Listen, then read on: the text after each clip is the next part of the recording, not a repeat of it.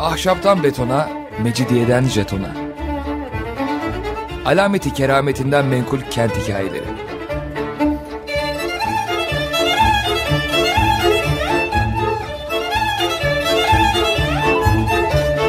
Hazırlayan ve sunan Pınar Erkan.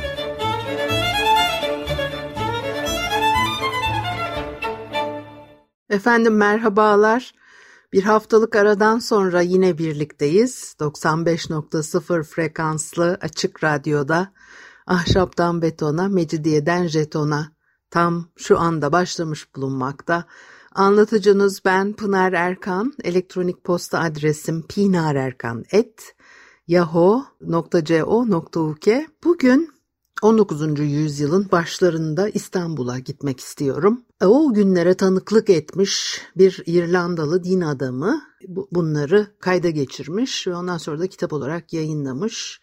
Tarihçi, yazar, tıp doktoru e, Robert Walsh 1800'lerin sonunda dünyaya geliyor. Ondan sonra da Lord Strangford'un e, mahiyetinin bir mensubu olarak Osmanlı başkentine geliyor. Uzun yıllar e, İstanbul'da yaşıyor. Anılarını kaleme almış. Bazen tarihlerle ilgili e, net olmayan e, durumlar var ama yine de bizim anlatacağımız kısımlarla ilgili böyle bir sıkıntı yok. Dolayısıyla anlattıkları genel olarak 19. yüzyılın ilk yarısıyla ilgili o dönemlerde olmuş şeyler. Boğaz'ı hep çok merak ediyormuş. Onun için de İstanbul'a geldikten sonra bir e, boğaz turu yapmak istemiş. Çanakkale boğazını andırır ama kendine özgü birçok özelliği var. Ve Zeus'un sevgilisi Ion'un ineğe dönüşerek buradan geçip kaçtığını anlatan mitolojik öyküden esinlenerek çok erken çağlardan beri öküz geçidi olarak anılan bu yer gerçekten çok güzel diye ilk düşüncelerini belirtmiş ıssız kıyıların arasından öylesine akıp gitmek yerine yaşam dolu, canlı bir sudur. Kıyılarında kocaman ağaçların gölgesi altında sıralanan saraylar ve köyler boyunca kıvrıla kıvrıla ilerler. Her kilometrede bir karşınıza yeni bir yerleşim çıkar diyor. Şimdi bir de bu son zamanlarda bu müsilaj gerçekten e, hepimizi çok rahatsız ediyor. Bundan bir geri dönüş var mı? E, bu nasıl halledilecek bu sorun? Hani böyle gözümün önünde canlanınca o denizi kaybettiğimiz, tamamen kaybetme ihtimali gerçekten çok korkunç. Düşünebiliyor musunuz artık hiç denizimiz olmadığını, bırakın denizin içinde bir canlı yaşamamasını, o üstünü kaplayan madde yani çok korkunç. Onun için bu, bunlar daha da bir farklı bir e, e, anlam taşıyor benim için. Aslında bugün bunu konuşmak bu sebeple istedim. Ee, yine 19. yüzyıla şimdi başka boğazdaki balıklardan falan söz edecek. Nasıl bir boğazdan ne hale geldik? Yani yaraya da tuz, tuz basmak gibi olacak belki ama yine de biz bunu hak ediyoruz diye düşünüyorum. Ee, önünü alamadığımıza göre e, hepimizde biraz e, kabahat var. Onun için veya bunun ne kadar önemli bir şey olduğunu daha iyi anlayalım diye ay bilmiyorum yani gerçekten hani bu kadar az bulunur dünya üzerinde bir e, muhteşem e, varlığımız ve bunun kıymetini bilememek gerçekten inanılır gibi değil. Marmara kıyısında e, surlara kadar her yer bomboştu. Halbuki bu taraf yaşam dolu, cıvıl cıvıl diyor. Doğuluların hemen her türlü genellikle hareket etme konusunda çok isteksiz, araba niyetine yalnızca öküzlerin çektiği yük arabası tarzında kanıları kullanıyorlar. Bir yerden bir yere gitmek isteyen kadınlar için biraz daha iyi yapılmış arabalar var. En iyileri bile yaylı olmadıkları için hareket halindeyken çok rahatsızlık veriyor. Hele hele düzgün olmayan taş döşeli kent yollarında ve kırlık alandaki engebeli patikalarda dayanılması neredeyse imkansız. Hoplatıyor, zıplatıyor böyle üstünde giderken erkekler bu arabaları hiç kullanmıyor. Zaten yolda yürüyen bir erkek görürseniz aşırı kilosunun, uzun giysilerinin, ayağındaki bol çarıkların hareketlerini ne kadar kısıtladığını anlıyorsunuz. Hele bir de at üstündeyse hareketlerini kontrol etmesi daha da zorlaşıyor. Başındaki sarık her an düşebilir. Cübbesi rüzgardan savrulabilir. Üzengileri normalden daha kısa olduğu için de dizleri sanki çenesine değer ve bütün bunlar onu çok rahatsız eder. Sürekli olarak sarığını başında kendisini değerin üstünde tutmaya çabalar. Ama o boğazda bir yerden bir yere hem giysilerine hem de zevkine çok uygun bir başka taşıma aracılığıyla kayıkla gitme olanağına sahiptir. Üstelik kayıkta yalnız oturabileceği için değil uzanabileceği bir başka yer daha vardır. Kayığın zeminine bir halı serilmiş, kıç tarafına da bir minder konulmuştur. Omuzlarını ve dirseklerini bu mindere dayayarak boydan boya uzanıp bacaklarının arasına yerleştirdiği çubuğu tüttürerek hiç hareket etmesi gerekmeden istediği yere gidebilir. Sarıklı, cübbeli, bol şalvarlı ve çarıklı bir Türk'ün ağır bedeniyle, tıpkı bir deniz kabuklusunun kabuğunun içini doldurması gibi bir kayığın içinde gömülürcesine hareketsiz uzanarak, sakin ve berrak bir su yüzeyinde adeta kayarcasına yol almasından daha güzel bir görüntü olabileceğini düşünemezsiniz diyor.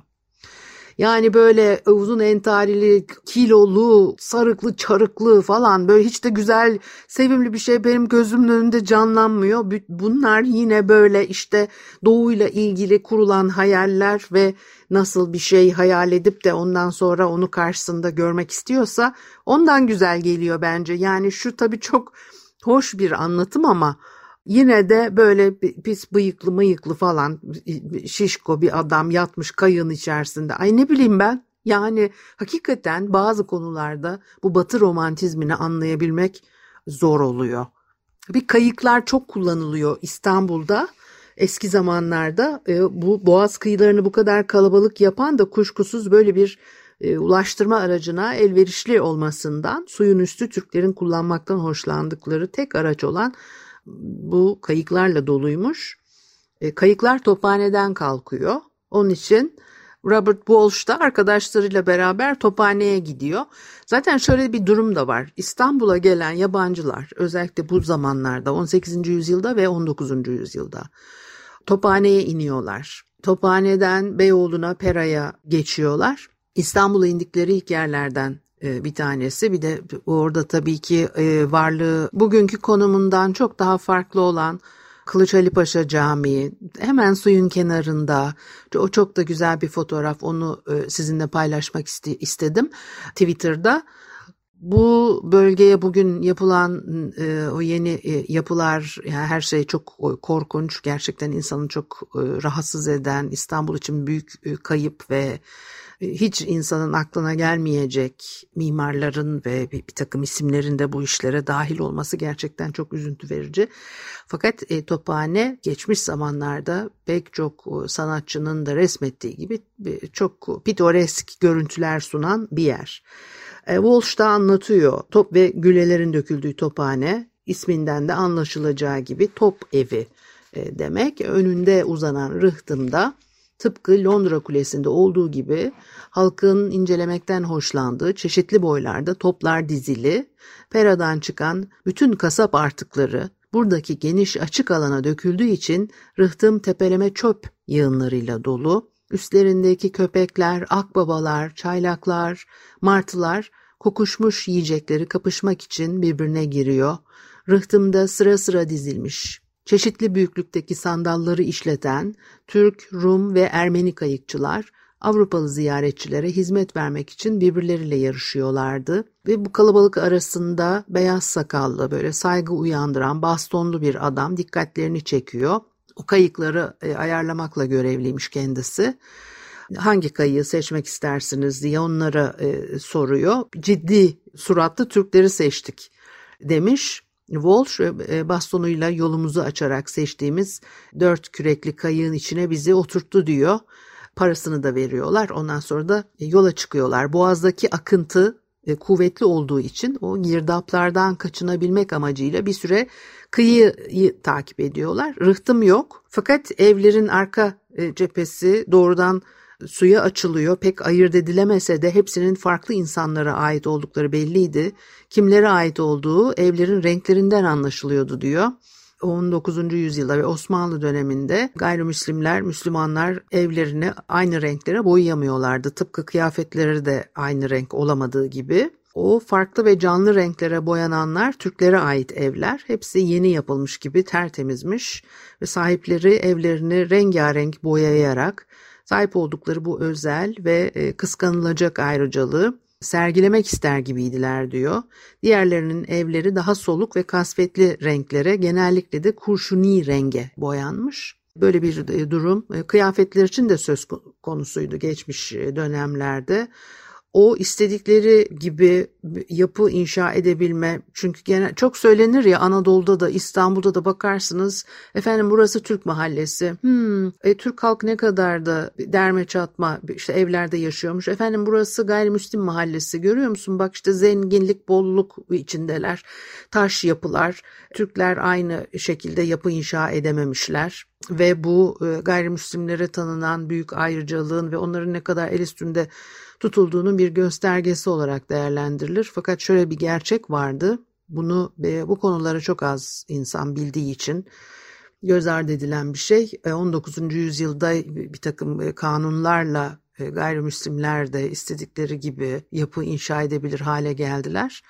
O sermayenin el değişimi de bankerlik müessesesinin kurulması, ticari işlerin daha farklı biçimde işlemeye başlaması ve e, yine Tanzimat sonrası dönemde onlara tanınan haklarla daha kolay yapı inşa edebilir ve istedikleri malzemeleri kullanabilir oldular.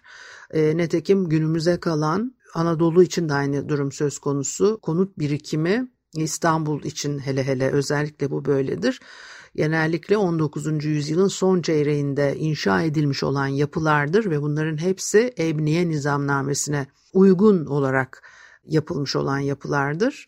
Ebniye nizamnameleriyle çünkü ondan önce hangi milletten olduğunuza göre izin veriliyordu. Hangi milletten dediğimiz zaman da etnik kökene tıfta bulunan bir milliyetten söz etmiyorum. Dine referans veren bir e, milliyet anlayışı vardı. Onun için yani diyor işte Ermeni milleti, e, Rum Ortodoks milleti, o Rum Ortodoks milletin içerisinde Bulgarı da var, Makedon'u da var, Rus'u da var. E, zaten buradan da çıktı bir takım sorunlar ve 19. yüzyılda e, değil mi mesela işte Bulgar egzarhanesi ayrıldı biz Rumca e, ibadet etmek istemiyoruz, Bulgarız kendi dilimizde e, tamam Ortodoksuz ama kendi kilisemizi istiyoruz diye. Dolayısıyla o haklar o dönemde kendilerine tanındıktan sonra bu tip yapıları inşa edebilir oldular. Kim inşa edemediyse onlar da biraz kendilerini sorgulayacaklar herhalde. Çünkü bugün bile benzer durumlar devam ediyor. Bakıyorsunuz bir müzik arası vermemiz gerekiyor. Vaktimiz de geldi. Biz müzik arasından sonra devam edelim. Efendim Açık Radyo'da ahşaptan betona, mecidiyeden jetona devam ediyor. Haliyle Pınar Erkan'ı dinlemektesiniz ve 19. yüzyılın ilk yarısında İstanbul'a İngiliz Büyükelçisi'nin mahiyetinde gelen bir e, din adamı Robert Walsh'un yazdıklarını, anılarından bir boğazı e, ve tophaneyi konuşuyorduk. Bir kayıya bindiler. Bir süre kıyı boyunca devam ettiler. Çünkü rıhtım yok ve kıyıdan baktığımızda oldukça dik bir yamaç fındıklı tarafı. E, bugün evlerle kaplı olmasına karşın yakın zamana dek burası için hiçbir yerleşim olmayan bir korulukmuş burası. En tepede boğazdan limana uzanan derin bir e, vadi görünüyor ve diyor ki Türkler belki de gemilerini bir gece bu koruluk sayesinde gizlice adeta bir sihirbazlıkla limana indirip surların önüne demirlemiş ve Haliç'in ağzını zincirle kapatan Bizansları şaşkına uğratmıştı. Fındıklı ve Dolmabahçe'den sonra Beşiktaş'a geliyorlar. Argonotların ünlü liderinin e, burada karaya ayak bastığı, hani altın postun peşinde gidiyorlar. Onun içinde Arkadios dönemine değin buranın onun adıyla anıldığı söyleniyor. O dönemde yaşayan e, bir e, tarihçi bu bölgede hep servi ağaçları olduğunu yazmış. E, Türkler de burayı beşiğe benzettikleri bir taştan ötürü Beşiktaş demişler ve sultan buraya bir köşk yaptırmış. Bu köşkün görünüşü büyük ölçüde burada yaşayan insanların geldikleri farklı e, kökleri hatırlattı diyor. Köşk birçok yapıdan meydana gelmiş. Ortasında e, diğerlerinden daha geniş ve güzel olan bir yapı vardı. Bu etrafındaki birkaç küçük yapı bir bütünlük içindeydi diyor.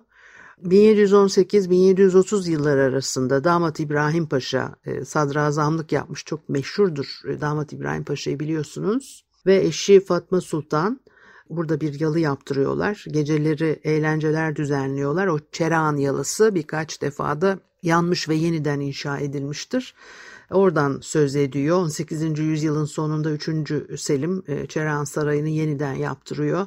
Başka yapılar da eklettirilmiş ve o yapı toplulukları Beşiktaş Sahil Sarayı e, Çırağan veya Çare, Çerağan ışık dolu demek bu isimlerle anılıyor. O dönemde e, mesela diyor ki söylenenlere göre bu mimarın özgün tasarımıydı ve göçebe kavimleri temsil ediyordu. Ortada hanın keçe çadırı, etrafında da görevlerin çadırları kurulmuştu diye tarif etmiş.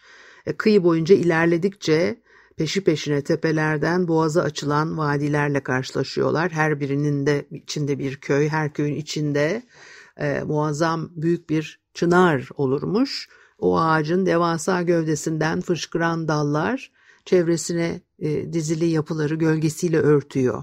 Peşi peşine dizilmiş evler, köşk ve hisarlar neredeyse bu düzen içinde kesintisiz Karadeniz'in ağzına kadar e, devam ediyor.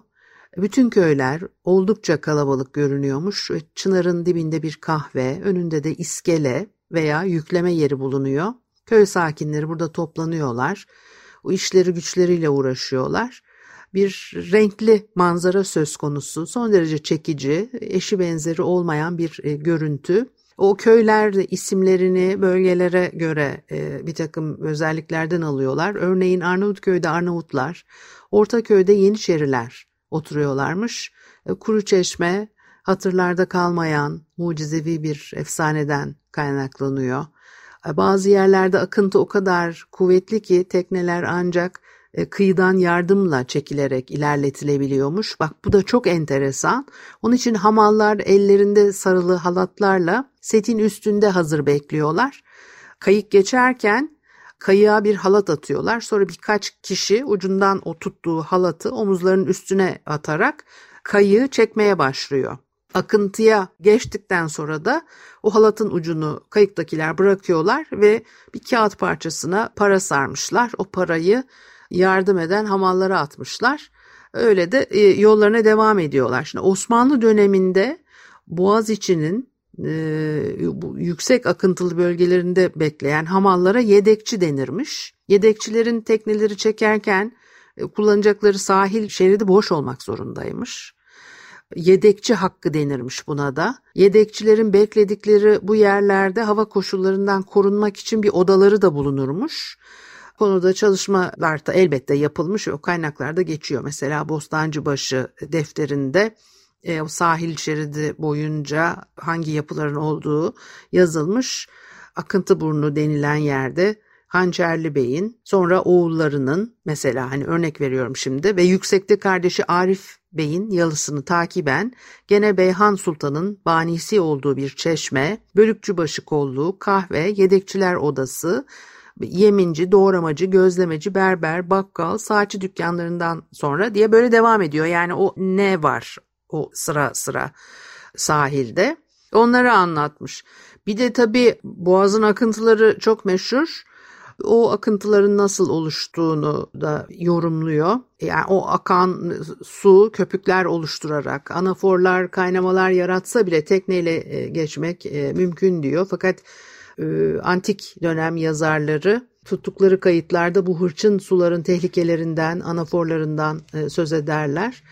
E, buraya yakın bir noktada yer alan bir derin koyun içinde büyük ağaçların gölgesi altında Bebek adında tek başına duran bir köşk varmış. Köşkün terk edilmiş harap durumuna bakınca insan bununla ilgili gizemli bir hikaye olması gerektiğini düşünüyor. Etrafı duvarlarla çevrili, Dışa tamamen kapalı bir bina. Türk diplomasisinin sırları bu kapalı kapılar ardında saklı. Bir elçiyle görüşme yapmak gerektiğinde kendisi buraya çağrılır. O da kayıkla gelir, gizlice içeri alınır ve ondan daha önce gelen vezirle burada görüşürmüş. Görüşme tamamlanınca da diplomatlar ayrılır, köşk eski sessizliğine bürünürmüş. Payitahtın herhangi bir resmi dairesinde yapılabilecek iş görüşmelerini gizemli toplantılara dönüştürmek, Devletin bütün resmi işlemlerini bir gizlilik perdesi arkasında üstü örtülü olarak yürütmek büyük ölçüde doğululara özgü bir uygulama diyor. Bunun sürekli olarak birbirlerinin hareketini kollamaya alışık olan Avrupalı elçilerin meraklı kıskançlığından kaynaklandığı, Türklerin de bundan kaçınmak için bu bilgece çareyi icat ettikleri söylenir diyor. Sonra bu noktadan sonra Boğaz iyice e, daralıyor ve Asya ile Avrupa arasında son derece işlek bir deniz yolu elbette burası ve Zerkiz e, Abidos'a geçerken daha önce e, Darius da Pers ordusunu buradan karşıya geçirmiş ve efsaneye göre de Darius ordusunun geçişini bir kaya üstünde oturarak e, seyretmiş. Gotlar, Sarazenler ve Haçlılar da buradan geçmişler. O noktada boğaz o kadar daralıyor ki Plinius'un yeryüzünün bir küresinde köpeklerin havladığını, diğerinde kuşların öttüğünü duyarsınız. Hatta insan sesleri bile seçilebilir ve eğer sesler rüzgarla dağılmazsa bir kıyı ile öbür kıyı arasında konuşulabilir demesi hiç de e, abartılı değil diyor. Buradaki iki e, hisardan da e, söz edilmiş. Burada çok ilginç bir görüntü meydana gelmiş. Bir kıyıdan öbür kıyıya doğru ucu uca sıralanmış balıkçı tekneleri Darius'un yüzyıllar önce teknelerle yaptırdığı köprüyü andırıyor diye yorumluyor Walsh. Çoğunluğunu Karadeniz ile Akdeniz arasında gidip gelen Uskumru ailesinden kolyozların oluşturduğu sürüler o kadar e, kalabalıkmış ki neredeyse suy, suyun akışını engelliyorlarmış. İşin en ilginç yanı da bu balıkların e, göç yolculuğuna birçok başka deniz hayvanının da e, eşlik etmesi. Çok sayıda yunus bir kere bu balıkların etrafında sıçrayıp duruyor. Bazen hep birlikte havaya sıçrayarak boğazın ortasında bir tepe e, oluşturuyorlar. O sırada balina yavruları gibi homurtular çıkararak su fışkırtıyorlar. Boğazın yerlileri rüzgar sertleştiği zaman bu balıkların tuhaf bir içgüdüyle rüzgara karşı gittiklerini ve boğazdan hem yukarı hem aşağı doğru giderken akıntının yönünü dikkate almadıklarının anlaşıldığını söylerlermiş. Türkler Yunusları koruma altına almışlar. Kendileri Yunus tutmadığı gibi başkalarının yakalamasına da e, izin vermiyorlarmış. Halbuki diyor ki eğer Yunus balıkçılığı yapılabilse bir okusurdu çünkü yani her kuşu diye bir laf var bununla ilgili.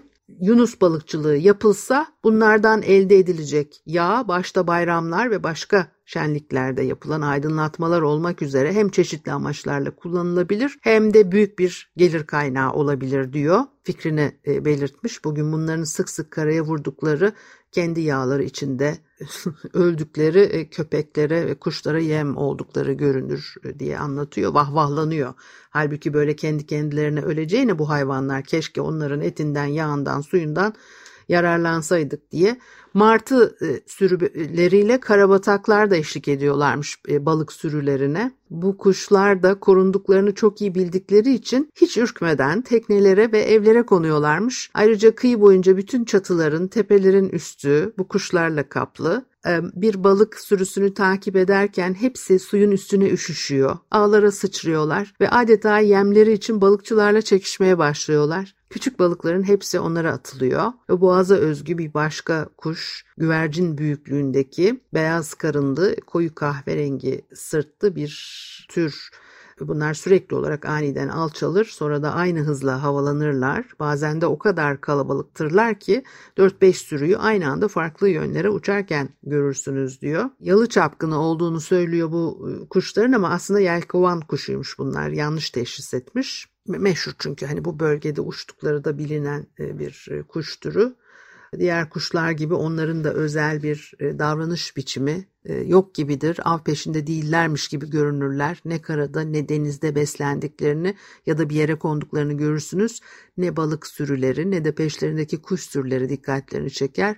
Ama bu dar boğaz üzerinde iç güdüsel olarak hiç durmaksızın bir aşağı bir yukarı uçarlar. Boğazın bir ucuna vardıklarında hemen bir daire çizerek geri dönüp öbür uca doğru uçmaya başlarlar. Hiç durup dinlenmedikleri için Fransızlar onlara lanetli ruhlar der ama arkasından uçuşu rüzgar kadar hızlı, fırtına ıslığına benzer bir ses çıkarır diyerek gerçekle pek ilgisi olmayan hayali bir e, betimleme e, yaparlar diye devam etmiş o kuşlardan çok etkilenmişler. Zaten etkilenilmeyecek gibi değil. Bu haftalıkta bu kadar olsun. Haftaya görüşene kadar hoşça kalın.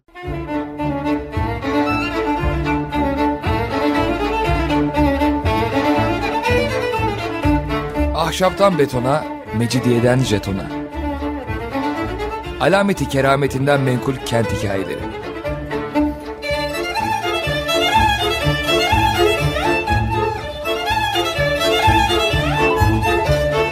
Hazırlayan ve sunan Pınar Erkan